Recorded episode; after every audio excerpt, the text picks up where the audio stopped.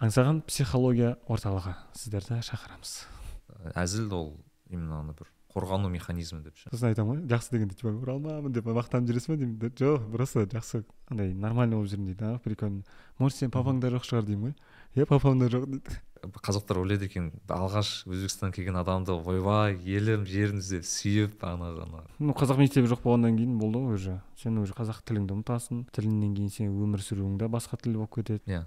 Бүйтіп прям. Жаным дейтін андай қазақтар болады бүйтіп. Қазақтан басқа ешкімге ұқсамайтын адамдар болады ғой. Сені тек қазақ тілді тек қазақша болған үшін ғана тыңдаймын деп айтады дейді да? Мен ана бүйтіп каспиіңде нөл теңге болып тұрады да қасындағында просрочка нөл теңге жақсы ғой анағыдан қарағанда и оны кішкентай проблема екенін көрсететін адам керек та оған. Иә ну йоу пацан привет. Оңай нәрселерді бүйтіп былай шешіп тастау керек қой ол.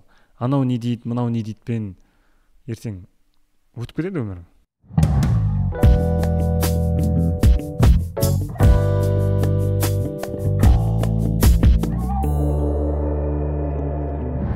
ассалаумағалейкум достар. Ә, бұл нәрікби және нәрікби лайф кәсіби және рухани даму жайлы подкаст.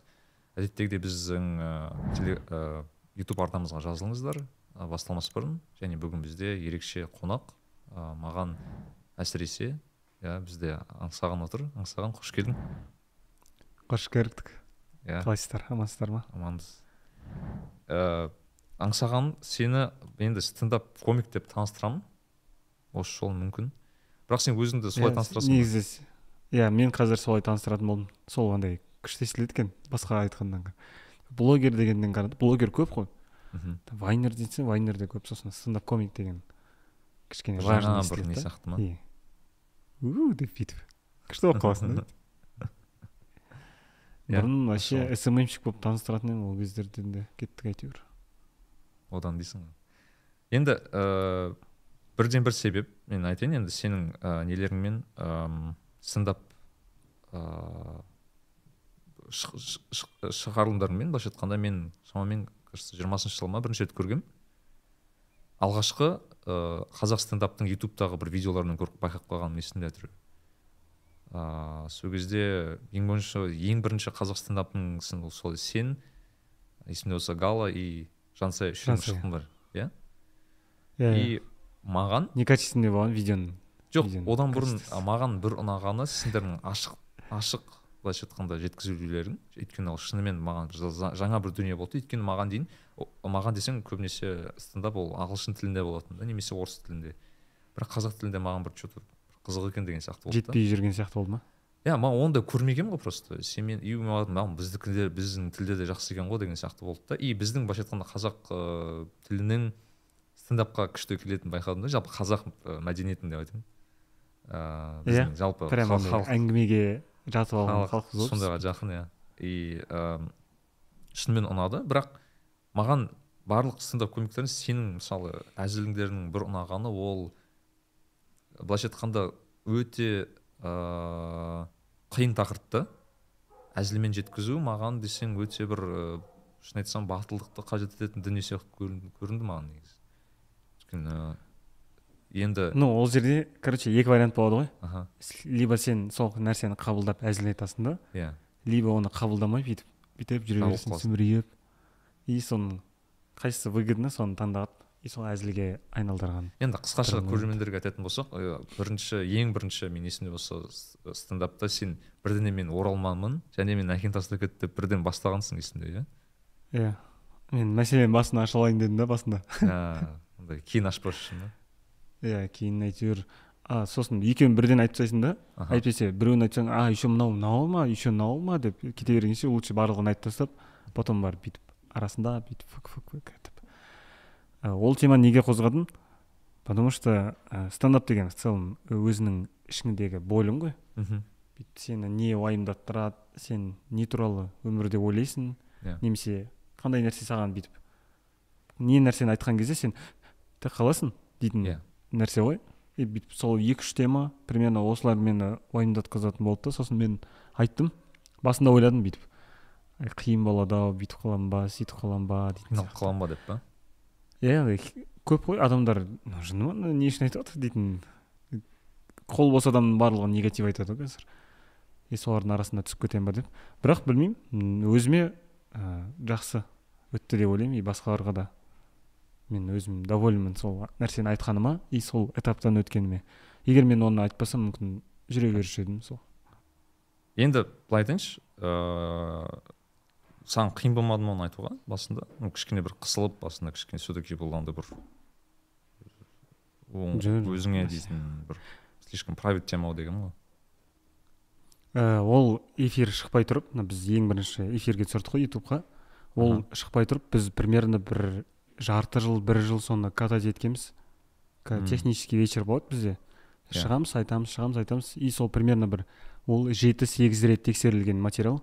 Бүйтіп өтіліп өтіліп кішкенеден кейін бүйтіп қиылып жазылып сөйтіп сөйтіп. И содан кейін шыққан. Мхм. И пока солар жазып жазылғанша уже нормально болып кетті. жеті сегіз рет шыққаннан кейін. Мхм. Уже сен ол ситуация деп алмайсың. Примерно сен уже материалың деп аласың да уже жаза бересің деген сияқты ғой. Мхм. Андай болған жоқ. Ух айтып болдым ғой жеңілденіп қалдым дейтін андай қатты андай. Бүйтіп жүрегіме қатты қабылдаған жоқпын. Бірақ ә, сол жоқ, қандастар туралы сонда айтқаннан кейін маған біраз адам жазған. Рахмет не деп? Вот осыны айттың. А рахмет деп жаздың ба бүйтіп молодец андай е осы жүреді типа айта алмайтын едім типа ішім ашитын еді осы үшін андай мынау просто андай буллинг дейтін бар ғой кішкентай балаларда ана андай универде сондай оқитын балалар жазды типа бұрын осылай кемсітіп былайша айтқанда. Иә и қазір осыны көрді да кішкене нормально болып қалды и өзім де бүйтіп біреу мазақтаса типа қатты андай көңіліме алмайтын болдым. Оказывается қатты андай ой трагич- трагедия ғой дейтіндей емес екен ғой. Рахмет деп андай сондай күшті а. комменттер иә мен бір байқағаным иә сол ыыы сені көбінесе анау комментарий тіпті ашатын болсаң көбінесе сен туралы айтады да вот брат типа осы темаларды қозғаған жақсы болды дегендей. Ыыы былай ойлайыншы мен мысалы бағана саған оған дейін де мысалы нұрмаханда да айтқан нұрмаханмен болған подкастта да және қазір де айтайын. Маған мына ыыы стендаптың бір ұнайтын себебі стендап ол шынымен бір психологтың алдында отырған бір адамның ыыы сөздері секілді көрінеді маған көбінесе. Өйткені стендапта сен әрқашан ы, өзіңнің бір сау жағыңды айтпайсың былайша айтқанда. Менде бәрі жақсы деп. Шықсаң ол күлкілі емес қой енді шынымен адамдар иә адам бүйтіп адамдар. Онда жақсы болса неменеге шықтың деп солай иә иә иә. Сол ғой ол мысалы бағанағы мен жалпы стендаптың тарихын зерттесек көбінесе мысалы қара стендап яғни черный стендап дейді былайша айтқанда америкадағы ол көбінесе бағана қара нәсілді адамдардың былайша айтқанда ақ нәсілді адамдардың алдынан көрген бағанағы несі расизм мәселелері көп қозғалатын мысалы европада ол басқа тема. Мысалы қазір ең трендтегі кстати стендаптардың бірі ол индийский стендап екен оказывается мен жақында білдім. Хинди тіліндегі стендап. А хинди мен индийский деп уже билейін деп жатыр едім жоқ хинди тіліндегі стендап өте популяр екен да. Өйткені үнді, халқы бүкіл әлемде бар. Ғой олар бағана гастроль жасайды тағы басқа короче өте популяр. Ыыы сол сол тұрғыдан өте қызық қазір феномен болып жатыр да мен үшін. Ыыы енді мен былай ы, сұрақ қойғым келген еді. Бағанағы психология қашан шығуға болады маған деңізші? Иә. Иә. А сен психологиялық бағанағы не дедік қой ыыы бір дүние дедік қой бұл стендап деген ше Мгм. сен жалпы осы затты айтқаннан кейін осы проблемаларды ашқаннан кейін өзіңді қалай сезіндің? Ну былайша айтқанда ол проблема уже проблема болып қалды ма әлде ол просто былайша айтқанда былайша айтқанда орысша айтпақшы высказать андай- еттің и жеңілдедің ба мынандай нәрсе ғой мысалы үшін ә, сені бір нәрсе мазалайды мхм. сен оны ойланасың бүйтіп сон ол туралы ойлайсың да бүйтіп жүресің и ә, сенде екі решение болады. Сен сонымен өзіңді бүйтіп загнать етіп өз өзіңе кетіп қаласың ана ушел в Иә. себя деп айтады ғой. Мхм. Дальше глубже копать етіп кетіп қаласың или екінші вариант сен онан құтылуың керек. Психологқа барасың немесе подругаң айтасың досың айтасың дейтін сияқты. Біреулер, там творчествомен деген сияқты. Менде былай менде бір ә, бір ситуация болады. Мен оны қабылдаймын да бүйтіп и сол ситуацияға өзімнің ойымды и сосын бүйтіп сразу самоирониямен алып шығасың бүйтіп ә, сахнаға шыққан кезде сен өз өзіңе бүйтіп самоирониямен істесең адамдар е болды өз өзіне әзілдеп тұр значит нормально дейді да барлығы андай комфортно сезініп кетеді өзін. И халыққа солай күлкілі күлкілі күлкілі күлкілірек күлкі короче сондай болады. Халыққа потому что андай андай нәрсе керек емес бүйтіп шығасында біреуді жамандасаң ол бүйтіп қалуы мүмкін да. Шығып сен өзіңе бірдеңелер айтып и өзіңді сондай ситуацияға түсіріп аласың да мына жақтан уведомление келді. А ол естілмейді ар жақта иә Э, өзіңе сондай нәрселерді қабылдап аласың да содан кейін болды уже дальше ә, бүйтіп изи жұмыс істей бересің ғой халықпен деген сияқты ғой. Ә, менде менде миссия болды сондай. Айтып тастау керек мынаны былай мынадан құтылу керек мынадан бүйту керек. Бұрында ойлайтынмын мен сценарист болып жұмыс жасаған кезде мен ойлайтынмын бір киноға немесе бір ә, короткометражка реклама сияқты сондай жерлерде осындайларды бүйтіп тығып жіберсем ғой бүйтіп. Әйтеуір басындағы ә, адам айтады да бүйтіп молодец саған орындадың осыны дейтін. Бірақ тағдырдың жазуымен стендаппен әйтеуір айтыппын. И сол өз орнына өз адамдарына жеткен. Мхм. Ну миссия орындалды. Менде ішінде жеңілдік бар.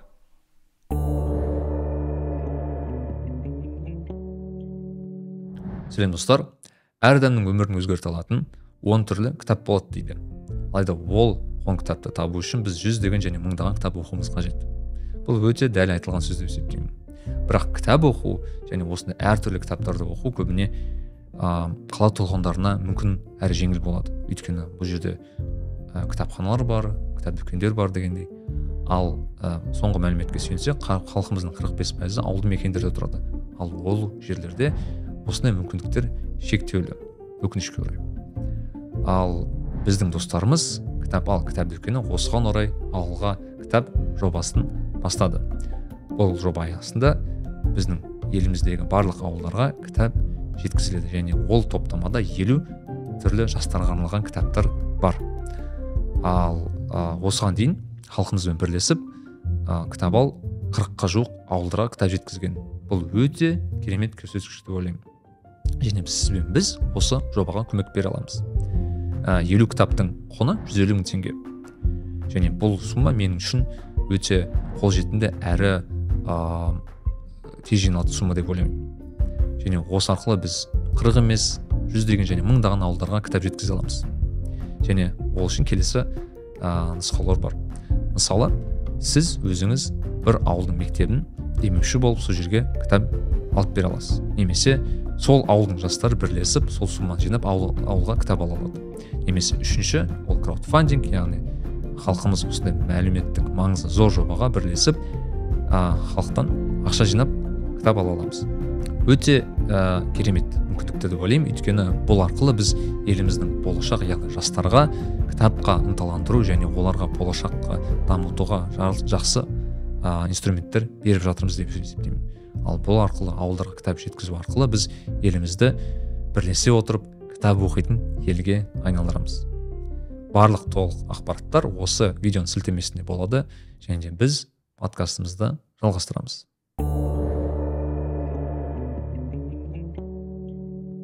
Ә, енді онда бір екі сұрақ уточняющий дейді ғой сұрақ қойғым келген. Сен әкеңмен араласасың иә қазір? Иә мен кеше ғана жаздым. Папа қалайсыз? Амансыз ба? Жұмысыңыз қалай денсаулық қалай деп. Аха. Жауап берген жоқ десең жазды? Жақсы өзің қалайсың? Балам анау мынау деп. Ол кісі ренжімей ма? Жалпы ол неге? Ыыы ол әзілдеріңе? Жоқ біз де ренжіген жоқпыз ғой. Нет ренжімей ма дегенде по факту ғой. Ол жерде мен утрировать етпеймін мен артық нәрсе айтпаймын. Папаны жерге алып жерге салатындай да ештеңе емес ол жерде. Папа өзі де түсінеді. Ә, көрді күлді. Папам мен бүкіл егер былай қарасақ бүйтіп мамамнан мен тәрбие тәрбием бүйтіп сөйлеуім өз өзімді ұстауым барлығы мамадан өйткені мен мама тәрбиеледі ғой. Yeah. а вот әзіл жағы бүйтіп бір жерлерде бүйтіп бірдеңе істеп қалу типа өнер сондай қылықтарым барлығы папамнан. Әкеңнен. И папам әзілге өте жақын болған. Папа мама и ортасында әзіл болған короче андай жақын болған ғой прям до того. И сөйтіп папа түсінді айтты қызық күлкілі бұдан да күлкілі жазуға болушы еді ғой деді. Жоқ просто айтқым келгені аңсаған бар ғой. Қазір енді білесің статистика бойынша ажырасулар өте көп қой. И мысалы әсіресе біздің тоқсаныншы жылдары туылған балалардың енді біразы солай сен сияқты былайша айтқанда ә, немесе әкесіз немесе анасыз өскен балалар өте көп мысалы. И былай сөйлесесің қазір уже мен мысалы отызға таяп қалдық. Олар өздері мысалы отбасы құрған кезде өте көп шын айтқанда менталды психологиялық проблемалар бар да. Өйткені бұрындағы мысалы әкесімен немесе анасымен арасындағы былайша айтқанда проблемалар шешілмеген да әлі күнге дейін. Ә, и оны олар қорқады. Былайша айтқанда мен балама өтіп кете ма ол нелерім деген сияқты. Немесе кейінгі отбасылық иә ол міне мынау өте мен осыны қозғағым келеді бірақ бұл бұны мен бүйтіп жеті сегіз минутта айтатын нәрсе емес бұл былай. Стендапта жеті минутта осыны айтып тастап осы проблеманы шешіп осы подкастта болады как раз. И мен бұны былай үлкен концертте бүйтіп өзім сольник бергенде может бір сағат дейтін сияқты сондай кездерде өзім былай отырып арнағым келеді. Ә, мен ә, менде мысалы үшін ә, ата анам ажырасқан мен әкесіз өстім. И ә, мен ә, болашақты қаламаушы едім. Менің балам бүйтіп жартылай тәрбиелеу мен, мамама үлкен рахмет айтамын. Маған толықтай тәрбие берді. Бірақ әкенің орнына всегда керек болады ғой бүйтіп. Иә. Әкенің орнына әке деген сияқты. И менде андай бір андай болады не деп айтушы еді анау? Қазақта бір сөз бар еді ғой. Бір бір кем дүниең дейді ғой. Иә иә. Бір кем дүние ма дейді ғой. И мен ә, ертең балам болған кезде мен оған бүйтіп нағыз әкелік махаббатты көрсеткім келеді да. Ертең мен вот міне осындай осындай болуым керек еді осындай осылай өсуім керек еді ғой дейтіндей бір андай баланы бүйтіп күштілеп тұрып ә, көп ә, мен қасымда біраз достарым бар ата анасы ажырасқан ә, Иә. көбісі қабылдамайды оны мысалы үшін. Өмір бойы жүрді бүйтіп настроениялары жоқ анау ситуацияны қабылдамайды да. И дальше ол ә, болашақта минусын беруі мүмкін. Бірақ кез келген нәрсе кез келген сынақ бүйтіп көтеру үшін береді ғой. Типа көтере алмасаң Иә. бермейді саған. И бүйтіп алу керек та вот қабылдау керек и содан түйін жасау керек қой. Өйткені бүкіл нәрсе сен қабылдамайынша ол сенің проблема болып тұра береді. Саған Иә. бірдеңе келеді сен оны жоқ ой осы ма неге неге дей, бер- дей берсең болды уже. Сол өмір бойы сенің артыңнан ереді де жүреді ереді де жүреді.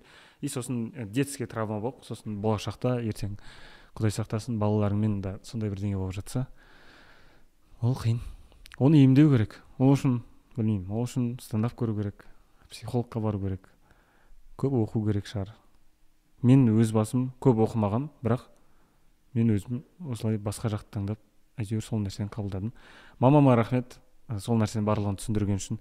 Ә, мені ә, кішкентай кезімнен сегіз жасымнан әкесіз қалдым ба сегіз жасымнан бастап ә, мені бір ер азамат қылып үйдің отағасы ретінде тәрбиелеген. И менімен как үлкен адаммен сияқты сөйлесетін еді да. И кез келген нәрсені үйде соңында мен қоятын. Бірақ маманың айтқаны болады сонда да. Но примерно менің соңғы сөзім сен өзің айтып отырсың ғой мен үйдің үлкені сияқты болып жүремін деген сияқты иә. и ә, мама ә, мама маған андай толықтай андай түсіндірді что бұл өмір ә, ондай мындай болып тұрады бізге келген екен значит оны біз көтереміз дальше жүреміз ешкімді кінәламаймыз. Оған папа кінәлі емес оған анау кінәлі емес. Ол сондай болып қалды ол бүйтіп ә, үш төрт жақ келеді да сондай былай бір жерге келуі бір жерде тоғысу не обязательно. Тоғыспай қалды. Ничего страшного деген сияқты ғой. И қазір папам мен мама тоже жақсы араласады. Біз мама қарындасым да мен де сөйлесіп тұрамыз. Иә. Ал сенің жалпы кеңесің қандай? Осындай балаларға бағана сен айттың мысалы ортаңда да бар ондай жігіттер бағанағы қысылып жүрген. Мен де көп кездестіремін оларды. И оны да мен де көремін. Сол кезде бір кеңес айтайын десем мен мен мен менен кеңес дұрыс емес шығар. Бірақ сен сияқты өзінің басынан өткен адамдарға менің ойымша ол қайта жең өтім керек сияқты. Анау сөз бар еді ғой. Ә, ата анаң жынды болса байлап бақ дейді Иә. анау.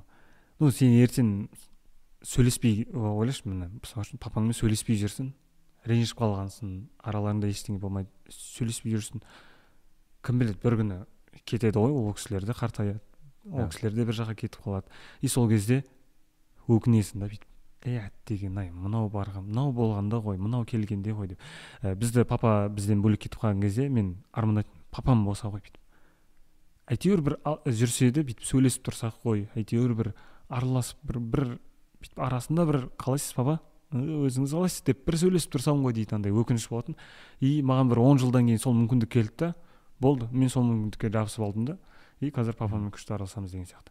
Менде бір досым бар еді ә, әкесі қайтыс болған кезде сөйтіп Иә. маған айтқан ә, қандай қандай болса да әкең қандай не істесе де қандай жағдай болса да әйтеуір просто бар болғанына шүкір ет. Ертең жоқ болғаса мен қазіргі сезімді айта алмаймын бірақ қатты қиын болады деген. И сондай жағдайлардан кейін қалай қалай жүресің деген сияқты. Ғой. мен бір бір екі достарым бар ә, ренжіп жүр да әлі. Андай айт бата алмайды. Иә. мен типа қайт не деймін мен не деймін дейді. Мен айта алмаймын ештеңе дейтін сияқты андай шарасыз күйдемін дейді ғой. Екеуін қоса алмаймын үйте алмаймын бүйте алмаймын деп. Не обязательно қосу не обязательно бүйту. Просто андай қарым қатынасыңды дұрыстасаң болды ғой. Ата ананың разылығы емес пе ертеңгі жұмағың деген сияқты ғой. Қиын. Бұл тема өте ауыр да бұл. Бүйтіп егер менімен сөйлесемін дейтін адамдар менде бір екі достарым бар сөйлесейікші осы тема деп. Сөйтіп отырып екеуміз еңіреп жылап бүйтіп соңында күшті болып бітеді. Андай. Иә. ол мен стендапқа келетіндер де бар. Мен ана жолы бір қыз келген стендапқа.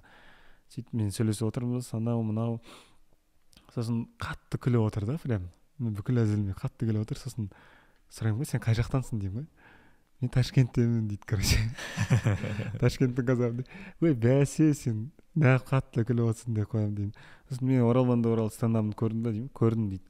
Қазір қалай? Бұрын қалай болдың бұрын қысылып жүретін едім қазір ше? Қазір жақсы болып жүремін дейді да.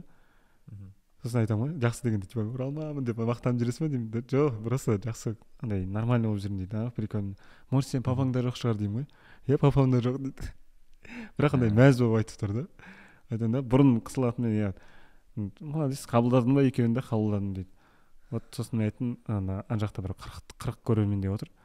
Ә, мен айттым значит мен стендапта бекер жүрген жоқпын міне мен өзім миссиямды орындадым. Міне бір адамды өзінің комплексінен айырып ә, бұрынғы бүйтіп бүйтіп жүретін бүйтіп каждый нәрсені уайымдай беретін кісіден ә, ыржиып күліп отыратын бір көрермен дайындадым. Міне менің миссиям Иә. осы. Значит мен дұрыс жолдамын деп. И солай бір овация жинап иә күшті маған көп кездеседі ондай кө- көшеде торговый центрда базарда. Бүйтіп қалайсың брат амансың ба? Мен де оралманмын ғой брат. Қытайдан келгенмін мен анау мынау. Бұрын бұрын кім айтатын? Ешкім айтпайтын еді ғой? Маған бүйтіп оралманмын мен деп ешкім айтпай айтқысы келмейді ғой қысылатын еді ғой. Типа мен негізі қарағандыданмын дейді. Қай жерінен дейді? Негізі былай көшіп келген деп айтып отырмайсың ғой бұрын қарағанды дей салатын еді ғой деген сияқты ғой. И солай көп адамдар келіп андай бал көбінесе жігіттер сондай кішкентай қыздар келеді де бүйтіп айтады. Мен де негізі оралманмын көрдік видеоңды деп. Күшті? Ә, Ол комплекстарынан айырдым деп ойлаймын. Иә. Ол кісілер бар ғой мысалы бағана қандастар деп айтады ғой қазір енді оралман деген сөзден қазір басқа сөзді иә енгізген ғой. қандас деген әдемі естіледі иә. Мен қандас болғым келеді. Мен қандаспын қандас. Жақсы сөз иә жалпы қандастардың қазіргі былай жағдайын қазіргі күнмен алатын болсақ ол кісілер бұрынғыдай емес шығар енді. Бұл мен кажется оралман деген басында енді келген кездегі не сияқты көрінді ма? бірақ ә, мынандай нәрсе ғой. Ә, қазір бестактный адамдар көп қой. Иә. Тактильностьті білмейтін бүйтіп. Бүйтіп айта салады бүйтіп сөздерді не дейді, андай көрінген аузынан шыға салады бүйтіп. «Ан- е бұл қытайдан келген ғой? дейді. Ол жаман ниеті да болмауы мүмкін. Бірақ солай айтқан кезде андай қатты қабылдап қалатындар бар да бүйтіп жүрегіне алып бүйтіп Мгм. өз өзімен бүйтіп ойланып сөйтіп кететін. И соларға андай самооборона ғой просто солай қабылдап қалатын. Иә иә. онда негізі иә бұрынғыдан аз. Өйткені қазір қоғамның өзі ондай жақсы қабылдайды ғой. Бірақ бірақ тактильный бағанағындай адамдар әлі көп сол үшін. Ондай адамдардан біз ертең де бүгін де кеше де құтылмағанбыз. Сол адамдардан кішкене андай защита антивирус қой. Негізі айтады ғой ана психологияда жалпы айтады екен что әзіл ол именно ана бір қорғану механизмі деп ше. Яғни мысалы адам Иә. бір нәрсе туралы күле бастаса прикол ұстай бастаса там бағана бір нәрсе айтады. Сол именно ол өзінің бір әлсіз тұсын жабуға тырысады сол арқылы деген ә, самооборона ә, ол әзіл деген мындай нәрсе ғой. Менде мынандай тактика бар. Егер мен шашым май болып тұрса ол шашым май болып тұрғанын мен өзім бірінші айтамын. Сөйтемін да? Иә. и сөйтіп басқа ешкім айта алмайды. Өйткені мен өзім айтып тастадым. Мысалы үшін аяқ киімім кір болып тұрса э, аяқ киімім кір екенін өзім бірінші айтамын да. Сосын адамдар «А, ойбай айтып қойдым ладно онда мазақтамаймын дейтін сияқты болады ғой примерно. Мхм иә бірінші өзің айтсаң жеңіл бола ма кейін сонда? Тиіскен кезде. И анау ғой. Когда сен өзіңді мазақтайсың басқа біреу мазақтағаны қызық емес болып қалады ғой. А, сол тактика ғой. Жағынан сенің ә, мен- есіңде менде менде всегда сондай тактика и ол всегда работает. Мхм. барлығына кеңес беремін. Менің есімде бір сенің әзілің бар еді ғой. Сенің бе әлде басқа жігіттікі бе еді? Анау ыыы оралмандар келетін болса бұлар оралмандар деп айтады да. Ал Иә, америкадан көшіп келген қазақ болса типа елін сағынып келген адамдар деп осындай сағынған бір- қазақ дейтін. Иә. иә сол ең бірінші шыққан кезде ғой иә. Типа біз қытайдан моңғолиядан өзбекстаннан келсек оралман дейсіңдер да. Ал америкадан біреу көшіп келсе оны елін сағынған қазақ деп. Біз де сағынып келдік қой оның несін жасыратыны бар? Бір жаман өмірден ана жақта ойбай деп жүрген жоқпыз ғой. Типа ол жақта да нормально өмір сүрдік бірақ отанға келу дейтін мына үлкен біздің аталарымыздың папаларымыздың арманы ғой. Қазақстанда өмір сүрейік барып. Қазақпыз ғой біз деп. Иә.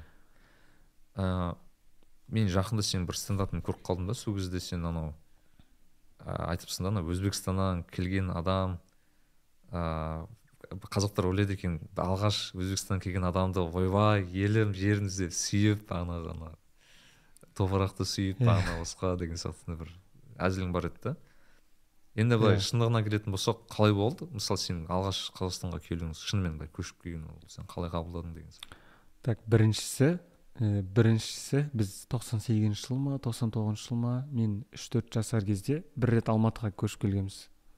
Бір жылдай тұрғанбыз негізі. Ә, ол кезде алматыда папа мама барахолкада ә, пияз сондай сияқты сататын камазбен. Мхм. Сол сондай фотомыз бар. Андай алматыда қыста түскен папа мен мама қарындасым кішкентай. Сол төртеуміз түскен. А қарындасым болған жоқ или болды ма? Білмеймін бір фото бар әйтеуір. Сосын ә, біз ә, обратно қазақстан а, өзбекстанға бардық та сосын айттық. Оказывается көшуге болады екен. Иә. өмір сүруге болады екен. Барлығын тастап ананы сатып мынаны сатып өйтіп бүйтіп барып ә, көші қон мәселесі дейтін бар квота деген. Сонымен үй алып өйтіп бүйтіп әйтеуір аяққа тұрып кетуге болады.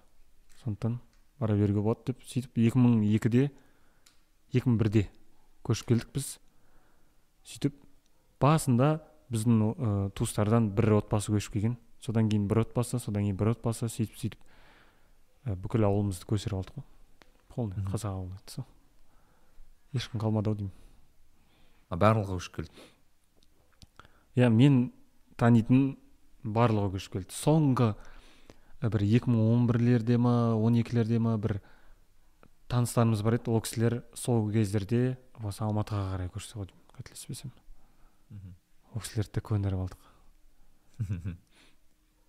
Просто ә, ол жақта бізде қазақ мектептері азайып андай чуть уже Иә. қазақ ауыл емес уже басқаға қарай кеткен ғой.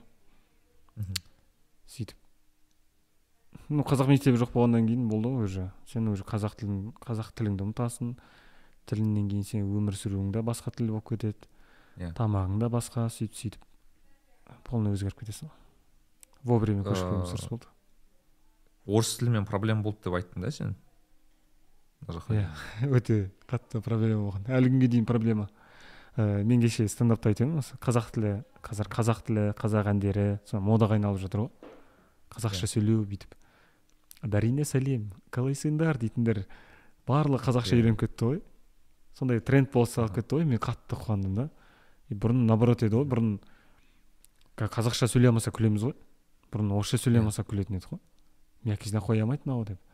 И мен әдейі орысша жаттамағанмын типа білмегенмін чтобы осы күн болатынын білгенмін ғой мен қазақ тілі модаға айналатынын и әдейі орысша сөйлемей жүрдім да деп өзіңді ақтап алсың Ә, күшті. Орыс тілі иә менде әлі күнге дейін бүйтіп проблема. Ну андай андай проблема емес енді. Ойбай орысша білмей не істеймін деп. Білемін енді былай базовый. Бірақ бұрын өте қатты проблема. Мен сөйлесе алмайтынмын көршілеріммен.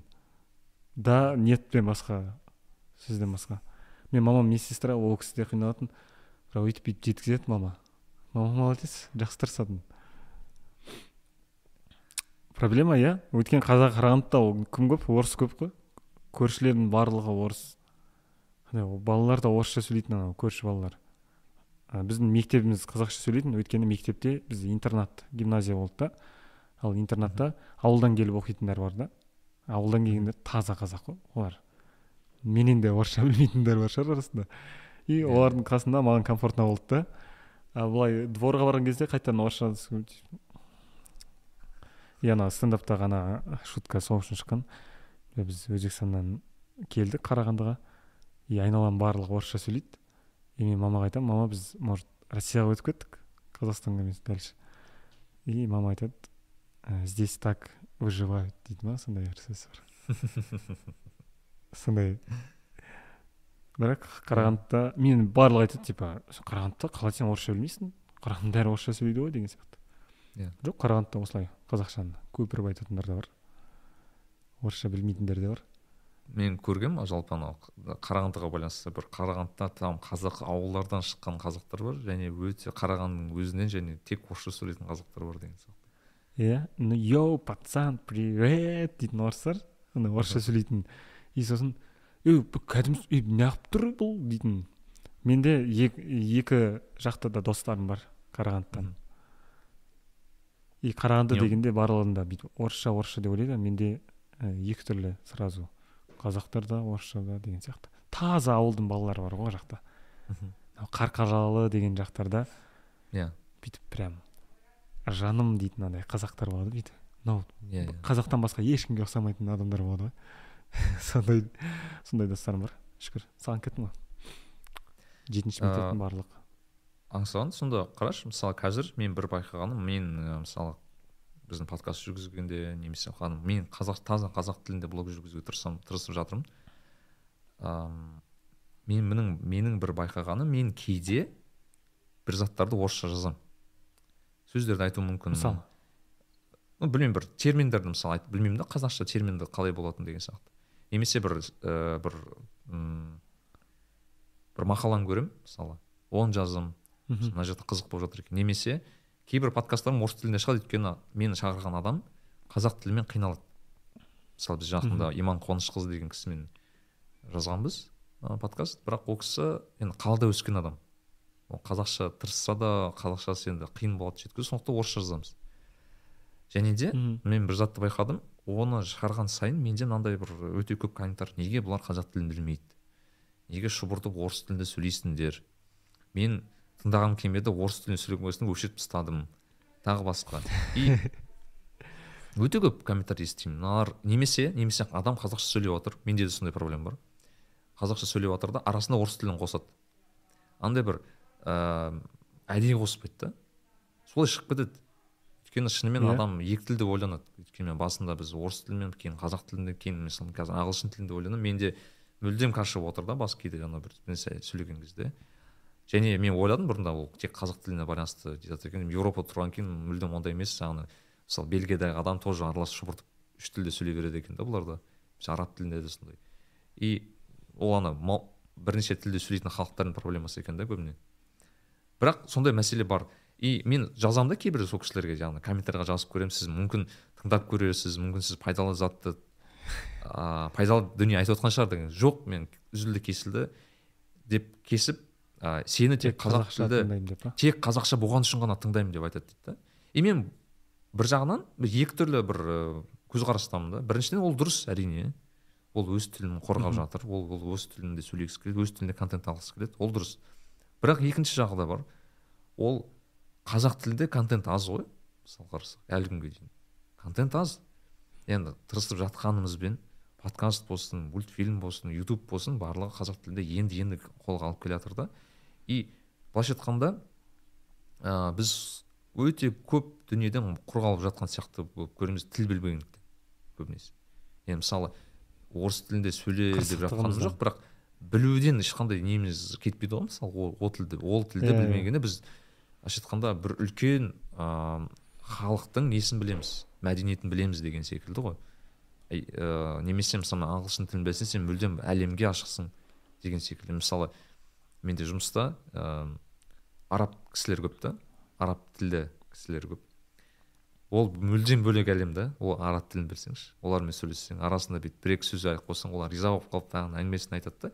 И мен мен сол ұстанымды ұстанамын да бірақ бағанағы ол кісілерді де түсінуге тырысамын. Шынымен мысалы мүмкін адам мысалы ауылдан келді немесе бағанағы ә, бір облыстардан келді тек қазақша сөйлейтін жерден орысша түскен кезде неге мен өз елімде мысалы сөйлей алмаймын тағы басқа. Жалпы сенің көзқарасың қандай осындай мәселеге қатысты ә, менің көзқарасым не қазақша контент қазақ тілінде барлық нәрсені көргімізге алып келеді ғой барлығымыз. Бірақ аз ғой шынымен аз. Көбісі бүйтіп пайдалы нәрселерді көргісі келмейді ғой оны айту керек шынымен.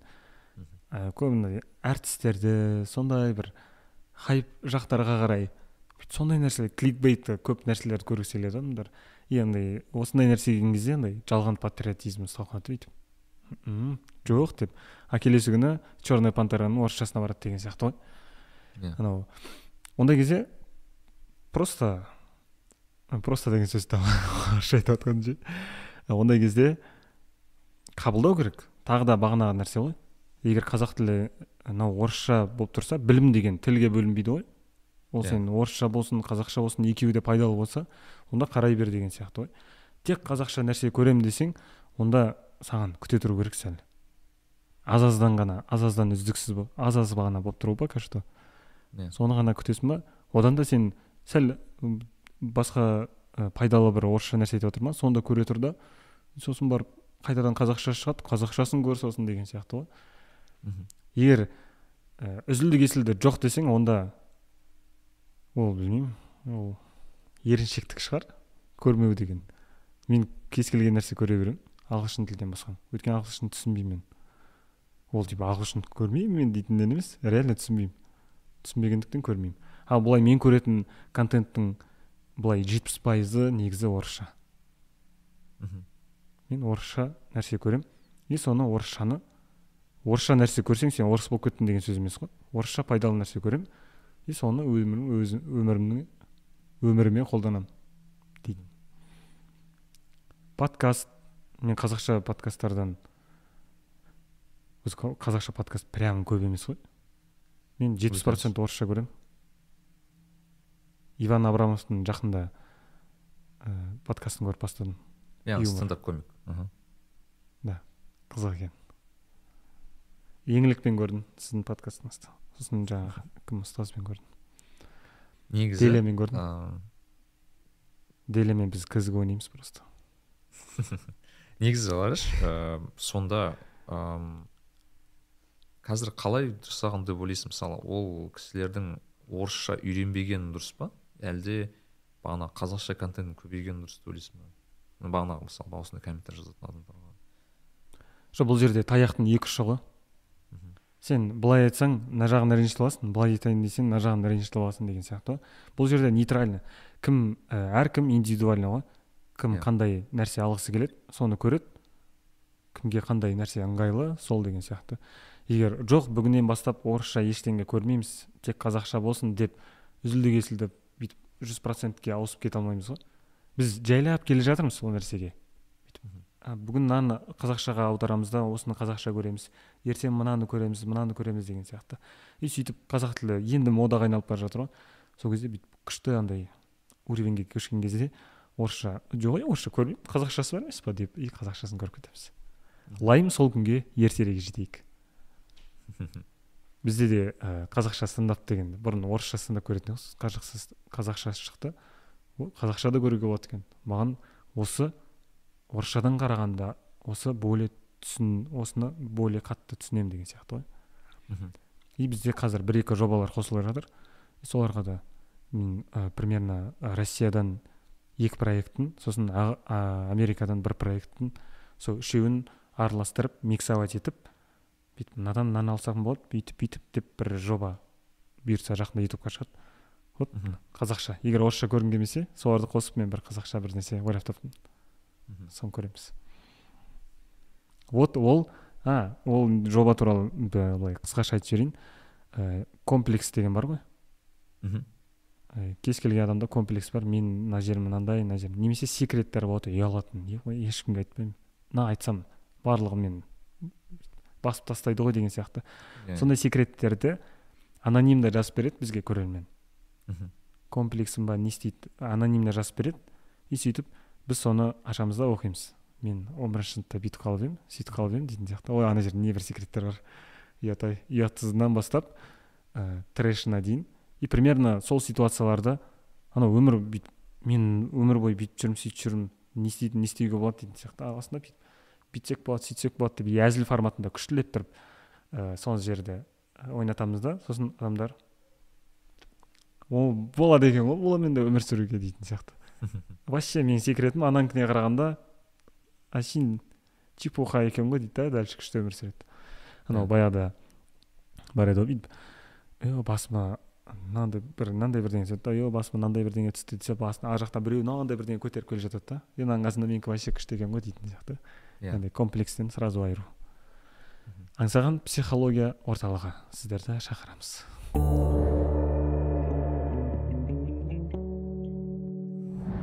Жоқ негізі мен шынымен ойлаймын сенен бір жақсы психолог шығатын сияқты өйткені жоқ мен андай кейде надоедет етіп жіберемін кез келген нәрсені әзілге айналдыра беремін да.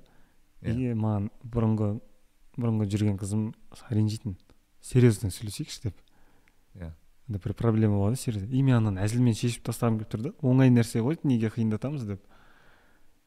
Сөйтіп ол жоқ жоқ деп анау и солай сөзге келісіп қала беретінбіз оңай нәрсе болса оңай нәрсе шешейік. Егер қиын нәрсе болса қиын нәрсе болса дұрыстап отырып сөйлесетін едік қой бүйтіп.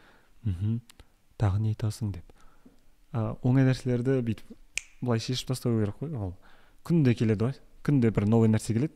Күнде новый нәрсені шешіп тастайсың. И дальше жүре бересің деген сияқты ғой. Күнде сынақ келеді ғой. Бүгін күн суық а сен кроссовкаң жоқ. Болды бір сынақ дейтін сияқты ғой. Сен кроссовкаң жоқ деп отыра бермейсің ғой. Кроссовкаң жоқ зато бүгін үйде отырамын дейсің да кино көресің дейтін сияқты любой нәрсенің шешімі бар деп ойлаймын өз басым психолог? Мен өмір мен психологқа барып көрмеппін но психологқа барғым келеді мен ба- бару ойда бар просто иә просто сөйлескім келеді қалайсыздар менде менде бір проблема жоқ айта, айта қояйын десем мен өзім шеше аламын өзімнің проблемаларымды да бірақ не үшін барады өзі жалпы психолог адамдар Э, ішіндегі мұңын айту үшін мысалы айтады ғой бағана детский травма дейді бағанағы ә, мысалы гештальт терапия деген бар. Естуің барса. Ә, гештальт деп мысалы мына былай түсіндіреді да гештальт деген жабылмай қалған бір ә, мәселе көбінесе. Мысалы мысалы айтайық сен бір кісі ә, бағанағы ата анасы өсті бағанағы да мысалы мысал ретінде. Мхм. Өссе бағанағы мысалы әкесі немесе анасының болмауы ол үшін гештальт та жабылмаған. Өйткені ол до конца жаппады да ол мәселені немесе кезінде ол мелочный зат болуы мүмкін. Мысалы кезінде мысалы бір ағасы бір сөз айтып қалды одан кейін обида ұстап қалды болды сол обидамен өмір сүріп жүр. И ол обида ә, одан энергия жейді есіне түсіп кетсе. Иә иә. И ол керек емес жерге ойлан керек емес жерде энергияны жұмсайды да. Сол үшін ә, гештальт терапия деген зат бар. Ол мысалы оны орысша айтпақшы проработка дейді. Оны просто қысқаша айтсақ былай жүреді да ол. Сені алады да.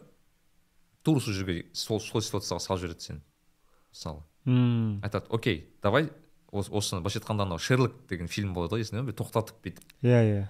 Аз- разбор жасайды ғой ол солай разбор болады да. И көбіне былай психологтар қолданатын бір екі способ ну мен мен білетін ең ыыы жиі с- қолданатын способы мынау. Олар бүйтеді ә, сені біріншіден ә, осы ситуацияны түсіндіріп бер дейді да осы жағдайды түсіндіріп берші дейді да и сен айтасың мен былай да осылай осылай да болды бағанағы. Мен осылай қабылдадым эмоционалды тұрғыда потом окей дейді. Ыыы қалай сезініп тұрсың дейді да сен. Денең қалай сезініп тұр дейді да сен мысалы. «Е, сен мені ауыр сезініп тұрсың енді адам кішкене ауырлық сезінеді ғой ол кезде. Я говорю окей дейді. Потом ыыы ол адамға не айтқың келеді дейді да сен. Ну по факту не айтқың келеді ол адамға дейді. Мысалы тұрады да адам айтады. И көбіне қызығы мысалы ата анамен жағдай болатын болса енді ата анаңа бүйтіп басып айта алмайды ғой көп адам. Мысалы ренжіп қалады деп айтады окей представь дейді да просто адам солай болады деп. Айтып көрші дейді да мысалы. Ол айтады ә, айтқан кезде ә, бір екі іштегі айта алмаған затын айтады да мысалы. Одан тоқтатады окей жақсы енді дейді. Сен ол адам болып көр дейді да қазір. Көбінесе. Яғни сен мысалы ата анаң болса сен өзің ата анаң болып көрші дейді да қазір сол сол сол, сол жағдайда. И саған сол сөзді айтса сен қабылдарсың дейді да дегендей. Сен оның көзімен көзқарасымен қарап көр дегендей. И сондай бір енді көп методтар бар соның бірі да мысалы ол яғни сені былайша айтқанда бірнеше ситуацияға салып сол ситуацияға салу. Бір ситуацияны екінші көзқараспен қарау арқылы сенің өзінің қабылдауың былайша айтқанда психолог ол сені ә, емдемейді ол сені ойландырады. Именно сені басқа көзқарасымен сол ситуацияны көріп и былайша айтқанда а мен түсіндім деген кезде сол гештальт жабылды. Болды сен ол проблема былайша айтқанда сені мазаламайды деген осыдан бастап. Өйткені сен түсіндің примерно қалай болған деген сияқты ғой. Күшті екен метод иә? неге ол маңызды? Бағанағы байқайсың ба адамдар көбінесе бағанағы ол заттармен жұмыс істемесе менталдық тұрғыда адамдар бағанағы көп энергиясы керек емес жаққа кетеді мысалы айтайық білмеймін. Мысалы мен психолог аға, ағалармен подкаст жазғанмын көбінесе айтады мысалы ә, бір өте оңай тақырыптан өте қиын тақырыпқа дейін болады дейді да. Мысалы айтайық там келін болса енемен қарым қатынас деген сияқты. Бір сөз айтып қалды маған ұнамайды. Немесе күйеуімен немесе бағанағы бір қиын ситуациялар ол мысалы бір кісі аборт жасауы мүмкін деген сияқты. Сондай дейді да. Оған дейін де баруы мүмкін. Яғни былайша айтқанда қазіргі жиырма бірінші ғасырдың басты проблема сол менталдық проблемалар дейді да көбінесе. Ол экология емес бағанағы соғыс емес. Ол адамдардың миындағы соғыс дейді да көбінесе өз өзімен и ә, мысалы мен ә, бір зерттеулер бар мысалы көп мемлекеттерде ә, суицид бағанағы несі өте жоғары да? Мысалы қазақстан соның бірі айтпақшы біз топ бестікке ма точно кіреміз топ он бестікке кіреді деді ма? Оны бестікке ондыққа енді былайша айтқанда біз енді өте неде сондай жағдайдамыз. И бірден бір мәселе ол ә, не ғой психологиялық дұрыс жұмыс істемеуден и екіншіден білесің ба мысалы әлеуметтік жағдай бар ғой. Ол да қатты әсер етеді негізі. Өйткені енді мен бір кейде оқып қаламын мысалы жақында есіңде болса бір ана бар еді өзінің балаларын балаларын там білмеймін сегізінші этаждан құлатып өзі қайтыс болған бір кісі болатын. Алматыда сондай бір жағдай болды есіңде ме? Мен енді шын айтсам оқысам денем жүрегім ауыратындай ситуация. Бірақ қызығы білесің ба сол кезде мен мен қателеспесем сондағы қарызы бір он бес мың теңге ма жиырма бес мың теңге ма сондай ақ болған екен негізі. Былай қарасаң адам былай кішкентай проблеманы өте үлкен қылып алады да өзінің басында. И оны кішкентай проблема екенін көрсететін адам керек та оған. Мысалы өйткені қазақта оны ол проблеманы аға мен көке әке былайша айтқанда отбасы шешетін. Былайша айтқанда бізде моральды моральный авторитет дейді ғой. Отырады. Аңсаған бергеші дейді да и сен әңгімесін айтасың да ол кісілерге мысалы. Менің ойымша просто біз мысалы тоқсаныншы жылда туылған балаларда ондай болмады көбінесе. Сондай бір неден айырылып қалған сияқтымыз кішкене арамызда ата анамызбен мүмкін ағаларымызбен біз көшеге шығып кеттік тағы басқа. И қазіргі мен байқауымша адамдар сонымен ә, сол сол мәселені шешуде да. И бірден бір мысалы сенің стендапың бұрын ағаны ол мәселені ашып шет жағын аша бастадың да сен ол проблема бар. И ол проблемамен жұмыс істейтін адам аз. И бағана сен бағана сен айтпақшы қыз күліп жатқан. Ол қыз явно оны проработка жасамаған өйткені ол іштегі былайша айтқанда сен yeah, иә, сен оның соған дейін сөйтіп жарасын сенің жарасын оның жарасын сен не істедің да қанатып жібердің да кішкене. Сол кезде адам реакция береді ғой көбінесе. Өйткені ол адам онымен жұмыс істеп қойса ол реакция бермейді ол адам туралы негізі ә, ауыр ауыр ауыр тақырыпқа кетіп қалдық қой. Нет ә, маған да көп жазады. Емтиханнан құладым мамаммен ұрысып қалдым бүйттім сөйттім не істеймін деп. Мен жазып жіберемін бүйтіп. Өтеді кетеді бұл. Сен ертең екі үш айдан кейін басым істемейді соған соған депрессияға кетіп болып жатыппын ғой мен деп солай айтасың Иә. деймін да. Ол чепуха деймін мындай ұбт дан бүйтіп қалдым сөйтіп қалдым дейді да айтамын. Ей мен үш жыл тапсырдым ғой. Үш рет тапсырған адаммын. Сен бір рет тапсырмадың ничего страшного екінші рет көресің. Или колледжге түсе сал или қанша вариант бар ғой. Туыстар мынандай көбісінде туыстар не дейді? Достардан ұят деген сияқты ғой. біреуден ұялсаң онда өмір бойы ұялып жүре бересің онда ойбай анау не дейді екен мынау не дейді екен деп өмір сүрмейсің ғой. Сен өзім кім болады екенмін өзім не болады екенмін деп өмір сүруің керек қой деген сияқты. И енді көп жазатын в основном осы оқуға байланысты көп депрессия депрессияға кіріп кететіндер бар. Өйткені оқуды ана ұбт ны емтиханды бүйтіп үлкен бір тау сияқты көреді да бір шешілмейтін. Ана таудың ар жағында ештеңе жоқ сияқты. Тау оның ар жағын ашсаң қанша дала жатыр ғой бүйтіп. Өмір сүр да кет қой ар жаққа қарай. А бүйтіп қарайды да бүйтіп ой жоқ мен дальше м-м». болды мен егер бүгін жүз алмасам онда мен құрдымға кеттім деп солай андай өзіне көп алатындар бар ғой. Оның барлығы просто андай салыстырып салыстыру керек сияқты. Қасында бір всегда неудачник біреу болу керек сияқты. «Е, мынанікіне қарағанда менікі шүкір ғой дейтін. Или өзің бір тауып ал сондай адам. Мынанікіне қарағанда бір шүкір ғой дейтін. Иә.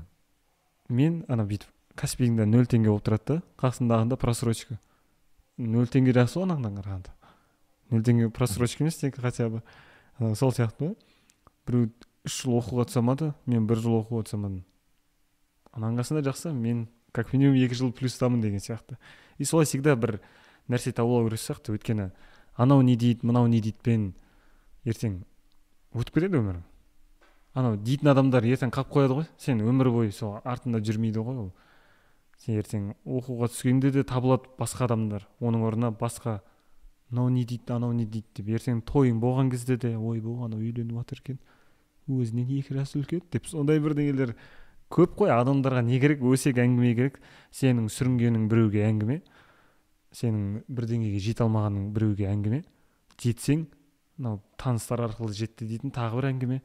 Сөйтіп біреулердің әңгімесін тыңдап жүрген кезде өз өмірің етіп өтеді. Лучше анау бақытты адамның формуласы. Ана жолы сондай бүйтіп ойладым да бүйтіп өзім мен мен өзім күшті болып жүрмін да бүйтіп шүкір осы күніме. Осымен бөлісейін біреуге деп. Солай ойладым да енді бөлісу керек қой. Сөйтіп ә, мен мынандай нәрсені ойладым. Ә, бақытты адамның формуласы ә, концентрация өз өмірінде болады. Бүгін мен былай істеймін. Менің мынау менің минус жақтарым мынау менің плюс жақтарым так ана жолы мен бүйттім деп. Өзін өзіне анализ жасайды өзінің өмірімен күніне абай айтады күн айына жылына күніне әйтеуір бір күн бір есеп беріп отырсаң деген сияқты. Концентрация бүкіл өз өмірінде ал бақытсыз адамның концентрациясы біреудің өмірінде.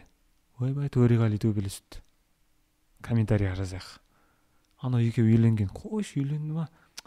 Бас демей ма? Анау ёпты деп біреуді всегда біреуді бүйтіп өмір бүкіл энергиясы бүкіл анау жазатын нәрселері барлығы басқа жаққа кетеді да и өзіне бүйтіп дым қалмайды да. Бүкіл негатив положительный барлығы ана жақта қалады сосын өзі қалады сосын. Не өз өзін қайдан қоя білмей сосын реніш басталады сосын. Реніш неге апарады? Негативке апарады. Негатив адам жек көруге апарады жек көру. В целом уже өміріңнің қабағын түйіп жүресің сосын. Ештеңе ұнамайды. Анда бар десе жоқ қойшы. Анда барса жоқ деп бүйтіп артқа тартып и ондай адам болмаңдар. Негізі анау айтады да ыыы бір жақсы хадис құдси бар. Хадис құдси деген ол анау алла тағаланың пайғамбар арқылы бере жеткізген сөзі деп айтады да.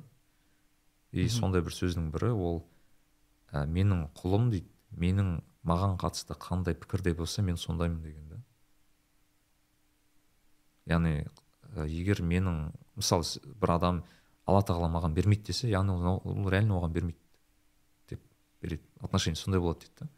Ал егер алла тағала маған бүкіл мүмкіндікті ашып береді мен ананы да көремін әлемді зерттеймін білмеймін ә, көрмеген заттарды көремін алла тағала маған өте жомарт тағы басқасы өте сондай бір ә, құдайға қатысты бір несі ыыы қарым қатынасы сондай болса алла тағала сондай болған болады дейді да. Түсіндірмесі сондай да негізі? Ана сөз бар еді ғой. Бүйтіп ә, саған бір сынақ келеді да.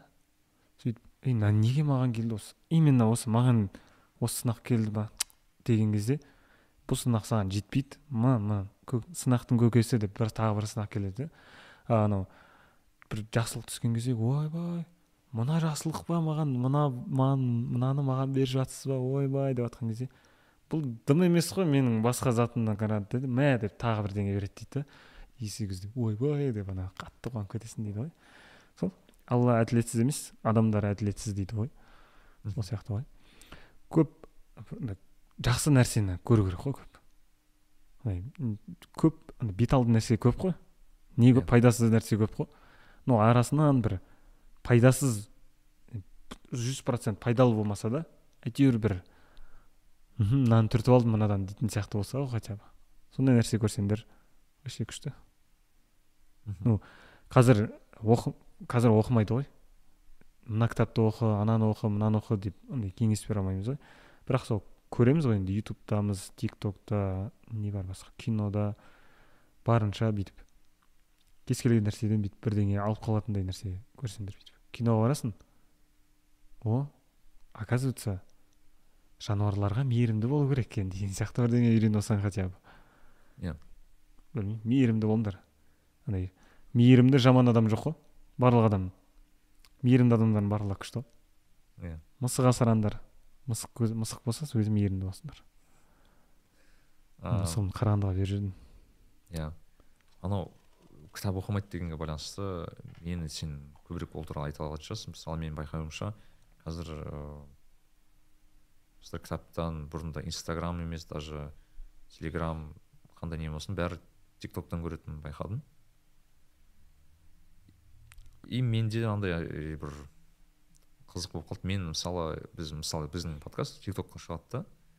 И оны ешкім көрмейді деңізші. Жоқ тик токқа тик токқа шығады және телеграм ә, неге шығады? Ә, инстаграмға шығады да. Рилстар рилстар шығады. И рилстары именно инстаграмда жақсы өтеді да бізде. Мен жақында байқағаным өте көп тыңдалады өте көп адам репост жасайды бағанағы жазады тағы басқа. Қаралым өте көп. Бірақ тик токта қаралым болғанымен өте ә, токсичный комментарийлер көп болады байқауымша. Мен, мен сондай бір дүниені байқадым да. Не мысалы бір адам бір едкий бір орысша айтқанда комментарий жазады да артын уже ана келесі ответтің бәрі анау қырылыс басталады да мына жерде. Смотреть ответы деп басталады иә. Потом білмеймін сондай бір дүние бастады и басым көпшілігі жастар именно жастар көбінесе именно студенттер сондай кісілер. И ә, неғып ақыл сынып отыр мынау нәрік биме аңсаған дейтін. Иә сондай иә сондай өздері бір керемет адамдай дейтін сондай комментарийлер көбейеді ғой. Маған маған қызық та платформа. Вроде как инстаграмда телеграм ә, тик токта вроде бір контентті беріп тұр да бірақ мүлдем екі түрлі көзқарас та. Бір бір контентке. Сонда тик токтан отқан жастардың қазір мүмкін жастарды басқаша ойлана мен мен сол жағын түсінбедім шын айтсам или платформаны сондай ғой бүйтіп ііі платформа азайған бүйтіп жақсы качественно болған сайын просмотр азая бастайды бүйтіп тик токта өте көп просмотр. Бірақ качество дейтін сияқты. Инстаграм андай мындай. Соңында ютубта аз просмотрмен бүйтіп он жеті мың адаммен отырамыз ғой енді сол сияқты ғой. Тик токта в основном бүйтіп мына оң иығымен жатып көре саласың бүйтіп автобуста бүйтіп көре салатын деген сияқты ғой. Уақыт өткізу үшін и арасында біз сияқты бүйтіп шығып қалады да қайшы не істеп жатыр мыналар? Одан да мен кете берейін достар дейтін нәрселерді неге салмайды деген сияқты. Ғой білмеймін мен де өзім тик токта отырамын. Бірақ комментарий жазбайды екенмін қатты. Мен всегда ә, анау лентамды регулировать етіп отырмын қалай айтушы еді? Не интересно? Интересно деген бар еді ғой. Иә. Баяғыда мен ә, инстаграмның интересный солай дұрыстап алғанмын тик токты да дұрыстап алғанмын сол менің бір досым бар еді солай. Инстаграмның интересін ашсаң күшті да анау барлығын бүйтіп көре бергің келеді да. Бұрын мен инстаграм ә, интересный андай бір приколдар тұратын иә қызылмен жазылып бүйтіп. И арасында бір природа шығады мотоцикл айдап жатқан шығады сондай еді да кейін. Андай күшті нәрсеге ауыстырдым сол кісінің арқасында. Мхм. Тик токта отыратын адамдарға нет ол кісілерді жақсы көремін мен. Айтайық та может келеді ютубқа сізге. Осы сөздерді естігеннен кейін. Иә. сіз тик токта отырасыз ба? Мен ыыы көп отырмайын деп айтайын. Үйрене бара жатсыз онда. Сондай ау. Үйрене алмадым мен мамамның айтқан сөзі бар ғой өте- үйрене алмадым а специфичный контент екен деп айтайыншы өзіме. Мүмкін білмеймін келесі подкастта отыратын шығармын тик ток мастері болып құдай біледі. Тик токта бір байқағаным мынау тез жиналып кетеді ғой. Керек емес нәрселер көп просмотрына кетеді ғой. Мгм. бүйтіп мына жаққа кетіп сол кезде. Түсінбейсің. Бірақ прикол мен тик токта прикол көремін мен настроение көтеру үшін кіремін. Егер бүйтіп көресің да? Деп күлесің да бір алты жетеуден кейін. Болды уже күлкің таусылады дальше қызық емес болып қалады. Сіз инстаграмда отырасыз? Мен иә. Мен енді телеграмда отырасыз ғой бірақ. Телеграмда отырамын сізді тан сізді танып бастағаныма он бір ай болыпты. Примерно Келесі айда қаңтардан бастап ровно бір айдан бастап тұр иә бір айдан кейін сізді танымаған танығанымызға бір жыл болады. Не ғой ыыы мен бір ойда бір тақырып бар еді соны сенімен бір ашқым келген еді. Мысалы әзілге байланысты. Әзіл жалпы ол андай инструмент та жақсы инструмент енді бірақ әзіл ол ыыы мысалы дұрыс емес әзіл де болады ғой. Иә. Енді есімде бар мысалы жақында бір стендап бір жігіт ыыы есіме салмады бір қыздарды жамандап Иә. па оны бір отырғызып сондай бір нәрсе болды ғой. Ам, и по сути былай қарасаң деген жігіт па? Білмейді екенмін просто көріп қалдым да сондай бір жағдай болғанын. Оны ешкім білмейді негізі. А мүмкін хайп болған шығар. Бірақ айтқым келгені мынау да негізі ыыы әзілдің бір проблемасы бар да. Мысалы діндегі мысалы мен зерттедім да неге дінде әзіл құпталынбайды да көп жағдайда. Мысалы неге байланысты дінге байланысты әсіресе немесе там өтірік әзілдеуге болмайды деген сөз де бар да мысалы. Өйткені бір жен психологтар айтады да что әзіл ол серьезный затта несерьезно қылып жіберуі мүмкін дейді. Сондай бір мәселе дейді да. Мхм. И ол оның проблемасы қандай дейді? Мысалы сенің проблемаң болса мысалы бағана сен бір затты ыыы ойланып жүрсің деген сияқты. Сен оны айту арқылы оны несерьезно қылып жібересің ол жақсы. Бірақ қоғамда кейбір мәселелер болады. Мысалы ол мәселе сені м, ойландырады. Сен ол туралы әзілдейсің бірақ ол әзіл орынсыз болып кетуі мүмкін да мысалы. Ә, айтайық мысалы тілге байланысты. Ә, қазақ тілін бір кемсітетін мысалы бір ыыы әзіл айтсаң да мысалы сен орынсыз да. Ә, и как будто қазақ тілінің несерьезно қылып жібереді да сені значит ол прикол ұстай алуы керек прикол ұстай алатын тақырып екен ғой деген сияқты түсінесің бе? Яғни мысалы ә, дін туралы да мысалы сен бір адамның білмеймін намаз оқып жүрген кісінің бір ненің әдеттерін прикол ұстасаң значит намазхандар адамдарға да ондай прикол ұстауға болады екен ғой. Немесе бағанағы ыыы бізде бір қоғамда бір мәселелер бар ғой. Ә, детское ну насилие дейді ма орысша айтқанда педофилия дейді басқа дейді анау дейді ну өте қиын тақырыптар бар ғой. Адамдар сол туралы ыыы әзіл айта бастаса ол ол әзілдердің несі кете бастайды екен. Ол проблемалардың ыыы былайша айтқанда күрделі және ол туралы былайша айтқанда прикол ұстауға болмайтын әзілдерді де әзіл қылып жіберуге болады екен да. Прикол ұстатып жібереді деген сияқты ма? в любом случае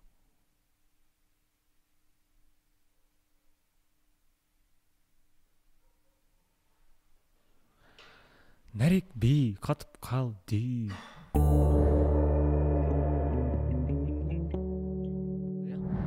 иә жалпы әзілде әзілдемеу керек тақырыптар туралы айтатын болсақ деймін да. Әзіл барлық барлық тақырып туралы әзілдеу керек пе әлде қалай ол нені? Әзілдемеу керек әзілдемеу керек тақырыптар. Иә. дін. Мен дін туралы вообще ноль әзілдемеймін. Ноль әзілдеймін то есть. Сосын білмеймін. Мені ойландырмайтын нәрселерге әзіл айтқым айту маған қиын. Мені мысалы үшін мен қатты саясатқа да былай бет бұрмайды екенмін да. Мен сол үшін оны айтпаймын деген сияқты ғой. А былай ол нәрсені айтатындарға просто грань деген нәрсені білу керек қой. Шекара. Сен өзіңнің басыңда бүйтіп мынаны айтсам қалай болады екен? деп өз өзіңмен ғана ақылдасып шығып кете салуға болмайды. Оны айт қасыңдағы адамдарға тексерту керек. Бүйтіп мынау қалай болады екен? Мынау мынау бола ма екен? деген сияқты тексеріп тексеріп барып әйтпесе бізде мысалы үшін өзіміздің даже үлкен концерттерге шықпай жатып бізде кішігірім клубтарда болады. Клубта өзіміздің леп дейтін клубымыз бар. отыз адамдық. Хотя бы сол жерде тексеріп отыз адамның реакциясы қалай болады екен дейді. Бірақ ондай ә, ондай тақырыптарға өз басым жоламаймын жолағым да келмейді. Менікі сол өзімнің больдарымды айтуым сол жетеді. Ол дінге кіріп ол ертең ол жақтан дінге кіріп ол діннен шығып кетіп оны дін туралы бірдеңе айтамын деп. Ә, жоқ ол ол жаққа жалпы аяқ баспаймын. Саясатқа да. Егер саясатта бүйтіп қатты қызық нәрсе болса бүйтіп обсуждать ететін бүйтіп онда болады. Егер мені бүйтіп уайымдатқызып бүйтіп мені ойландырып «М, мынаны бүйтіп жіберсем қалай болады екен дейтін сияқты. Білмеймін. Ол үшін ана жолы анау шешесінен боқтап өйтіп бүйтіп кеткен стендапер туралы ол енді шайып кетті. Таза тазасынан ол қуып кетті. Ол өзін күшті сезініп кетті ғой деймін бүйтіп. Бэд бой деп. Бірақ ол ә, бірақ ол бүйтіп басқа жаққа бұрып кетті да. Бұрғанда да жолсыз кетті дейді ғой. Иә. ондай. Білмеймін. Ә, егер шамаң жетпесе білімің жетпесе онда ол туралы әзілдемей ақ қойған дұрыс сияқты. Ә, интеллектті дұрыс оқып барып керек нәрселерді қозғасаң болды ғой. Дін деген өте ол жаққа жоламай ақ қойған дұрыс сияқты. Иә ә, енді былай айтайыншы сен қазір өзіңді қалай дамытуға тырысып жүрсің? Именно стендап комик ретінде иә білемісіңдер қазір концерт беріп жүрсіңдер ыыы бағана лепке шығып жүрсіңдер күніге почти там не знаю аптасына апта сайын көріп жүремісіңдер да ал былай өзіңе қатысты мысалы сен білмеймін кітап дамуға байланысты айтатын мысалы сен білім алу жолында білмеймін кітап оқисың ба әлде? Ыыы білмеймін бір курс аласың ба білмеймін қандай бір кітап мен өзің? ә, шын айтайын бір аса бір күнде кітап оқымайды екенмін бірақ арасында оқып тұрамын. Бірақ мен көп көруге тырысамын. Контент көріп кино көріп бүйтіп адамдармен сөйлесіп деген сияқты. Жаңа психологияның бір ііі анау қалай инструменті типа адамдармен көп сөйлесу дейді ғой. Сол кезде адамның өзінің қандай екенін білесің деген сияқты. Өзіңнің орнына қойып мынау мынау. Менде қазіргі план мен сольный сольный концертке дайындалып жатырмын. Иә. примерно қазір маған үйлену керек негізі. Мендегі қазіргі мини проблема сол барлық туыстар менен кейінгі братишкалер очередь сақтамай кетіп қалған бәрі уже. Аңсаған торымыз екен үйттікі де бүйттікі де менде андай мини мен өзім андай деп алмаймын бірақ мини проблема мен келесі жылы жиырма жетіге толамын сол үйлену и маған қызық сол тема. Ә, мен мамаммен сөйлескенде әжеммен солай ағаларыммен бүйтіп сөйлескенде күшті ақылдасамыз бүйтіп үйленген бүйттікі де и мен, мен қазір сол туралы стендап жазып жатырмын. Жиырма алтыға келдім. он үште отау иесі. жиырма алты деген уже екі рет отау иесі уже. Может екі әйел аламын сразу ондай ну примерно сондай жиырма алты жас үйлену туралы қазіргі мендегі. Сосын ә, сосын комедия наблюдение дейді ғой. Примерно наблюдать етіп жүрген нәрселерім. Типа қарапайым өмірдегі бүйтіп. Мынау қалай болады екен? Анау байқадыңдар ма? Сендер что кино екі мың тоғыз жүз теңге болып кеткен деген сияқты ғой. Примерно сондай. Қарап тұрып иә өмірдегі. Иә. всегда ә, наблюдать етіп жүргеннен бірдеңе бүйтіп ұғасың да бүйтіп адамдарды байқайсың ғой қылықтарынан бүйтіп. Внимательный болып и содан примерно мен сол жаққа қарай бара жатырмын қазір сольный концерт и сольный концертте сол жиырма алты жас примерно үйленуім сосын жаңағы үлкен тақырып бар ата ана деген. Сонымен осы в целом өзім жайлы ғой. Біреуге тиісіп біреуге әңгіме айтпай ақ қояйық. Өзім жайлы айтсам и адамдар содан бірдеңе алар. Иә. Енді бізде бір жақсы бір не бар? М, соңғы жағында біз енді көптеген сұрақ қоямыз. Енді біз көптеген сұрақ қойдық бірақ бізде блиц сұрақтар бар білсең. Өзіме сол сұрақтарды қойғым келген. Әрқашан. Ыыы өзің ыыы бір соңғы уақытта айтайық соңғы бір жылда өзіңе жасаған бір жақсы бір инвестиция туралы айтсаң яғни өзіңе инвестиция? Инвестиция дегенде яғни мысалы кітап болуы мүмкін киім білмеймін бір ыыы, саяхат тағы басқа. Ә, мен соңғы бір жылда барлық кредитімді жаптым. О. ол инвестицияға жата ма? Жатады. барлық кредитімді жаптым менде алдыңғы бір екі жылда бір кішігірім проблемалар болып сөйтіп үст үстіне қосылып сөйтіп ыыы, қатты бір минусқа кіріп кетіп едім соның барлығын жаптым да.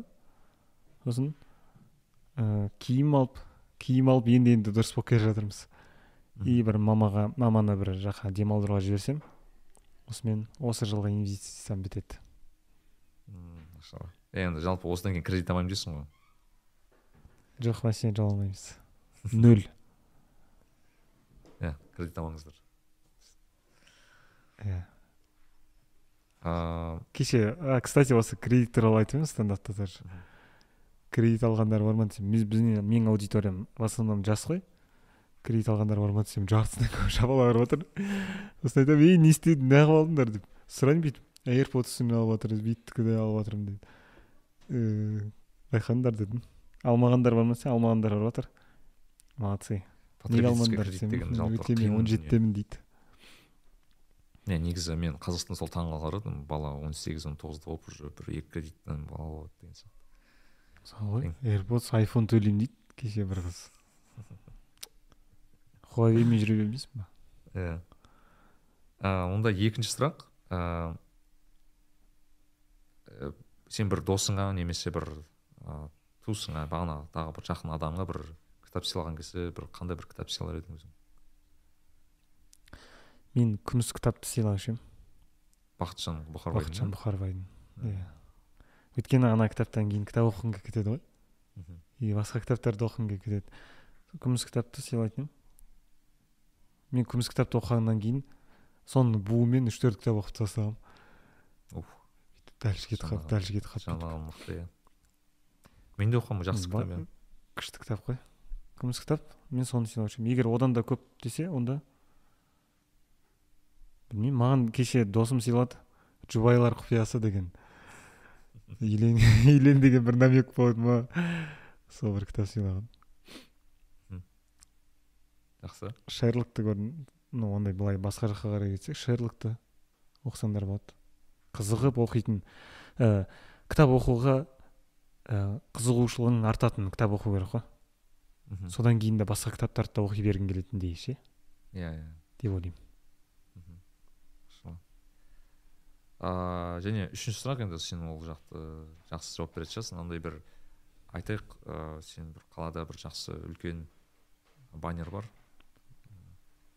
Үлкен қаланың көшенің бойында білмеймін абайдың бойында әл фарабидің бойында. Баннер? Иә үлкен үлкен баннер бар. Сол сол сенікі да сен не қояр едің сол жерге бір қандай бір месседж немесе бір қандай бір адамдарға ойландыратын бір ойың болса не қояр едің ә, менде мынандай идея болған бұрын. Мен қазір екі үш вариантын айтсам бола ма? Мхм. Иә иә не? Ә, мен мен былай жазушы едім. Ә, уақыт ол зымыраған нәрсе. Сен күнде ананы анаған мынаған уақытыңды бөлесің керек емес нәрселерге уақытыңды бөлесің. Мысалы үшін бұл баннерде саған керек емес сен соны оқыдың. Келесі жолы бұны қайталама дейтін. Баяғыда менде бір заметка бар еді. Заметкеге жазатын. Адам күніне кем дегенде екі нәрсені екі керек емес нәрсе оқиды. Иә. И қайтадан адам күніне керек емес екі нәрсе оқиды деп екі рет жазып қойған. Сондай сияқты ғой. Ә, мен может соны немесе екіншісі мейірімді бол деуші едім мейірімді бол. Молда назардың әнін қойып. Иә. А иә керемет көп рахмет. Ыыы саған менің ойымша өте бір қызық. С- сіз не жазушы едіңіз? Мен мен әлі ойлап таппадым шын айтсам иә. Наригби Онда- ютуб каналына тіркеліңіз дейтін банальный банальный едім. баннер жазсаң өте банальный зат қоятын едім. Ә, бізден бір сыйлық саған бізде бір жақсы сыйлық? партнерларымыз бар иә. Бізде мазмұндама деген ә, қазақ тілді баспа бар. Естіген бойынша естіген, болсаң ол әлемдік бестселлерлерді қазақ тіліне аударады. Ә, ағылшыннан қазақ тіліне. Орысшадан аудармай бірден қазақ тіліне аударады және Harry Potter дейтін сияқты ма? Хәрри поттер деген сияқты иә. Сондай бір ә, күшті кітаптар саған бір кітап сыйлағым келген сен анау жиі ана кредит туралы айтасың бағана кредитімді жаптың дедің бізде? тағы басқа енді ақша ақша туралы жиі айтасың стендапта. Саған ақша психологиясы деген кітап жиылған отыр. Қазір оған керек айтып жіберсеңіз әлде жәлде бай болып кетсем ә, наригбиге ә, шот алып жібереді екенмін ақша психологиясы деген ә, ақша психологиясы. Дәулет сараңдық пен бақыт туралы өмірлік сабақ. Мынау алдыңғы жылы менің кредитім жабылмай тұрған кезде керек еді ғой анау мен мүмкін сен алдағы уақытта саған ә, одан сайын көмек болады деген ойлаймын. Все рахмет. Ә, менің атымнан сізге сыйлық мен өзімнің стендабыма келген кезде беремін. О келістік? оны біз келген кезде алармыз иншалла. Иә. Сізді стендапта күтеміз. Келіңіздер барлықтарыңызға үлкен рахмет. Каналға тіркеліңіздер жазылыңыздар өз ойыңызды жазыңыздар. Сіздің бір екі үш сөйлеміңіз бізге маңызды. Не ойлайсыздар не не жазасыздар өздеріңіз біліңіздер. Аман болыңыздар мейірімді болыңыздар. И сосын күлімдеп жүріңіздер. Кез келген проблема ол уақытша нәрсе. Бірдеңе дейсіз ба? Иә аңсаған бәрін айтып берген жоқ дейсің көп рахмет аңсаған иә саған ә, былайша айтқанда осы стендап нең жақсы өтетініне өте сенімдімін. Алдағы уақытта кездесерміз деген әлі де ойдамын. Осы бұл подкастта және де көрермендерге барлығыңыз иә аңсаған айтқандай каналға жазылыңыздар. Ә, бізді көріп комментарий қалдырып аңсағанның инстаграмына жазылып ә, бізге жазылып. Тұрыңыздар. Кездескенше күн жақсы бәріңізге. Ассалаумағалейкум. Сөз. А болды ма? А все. Давайте. Болды өшірдім. Өшірдік. Все все все. Асықпа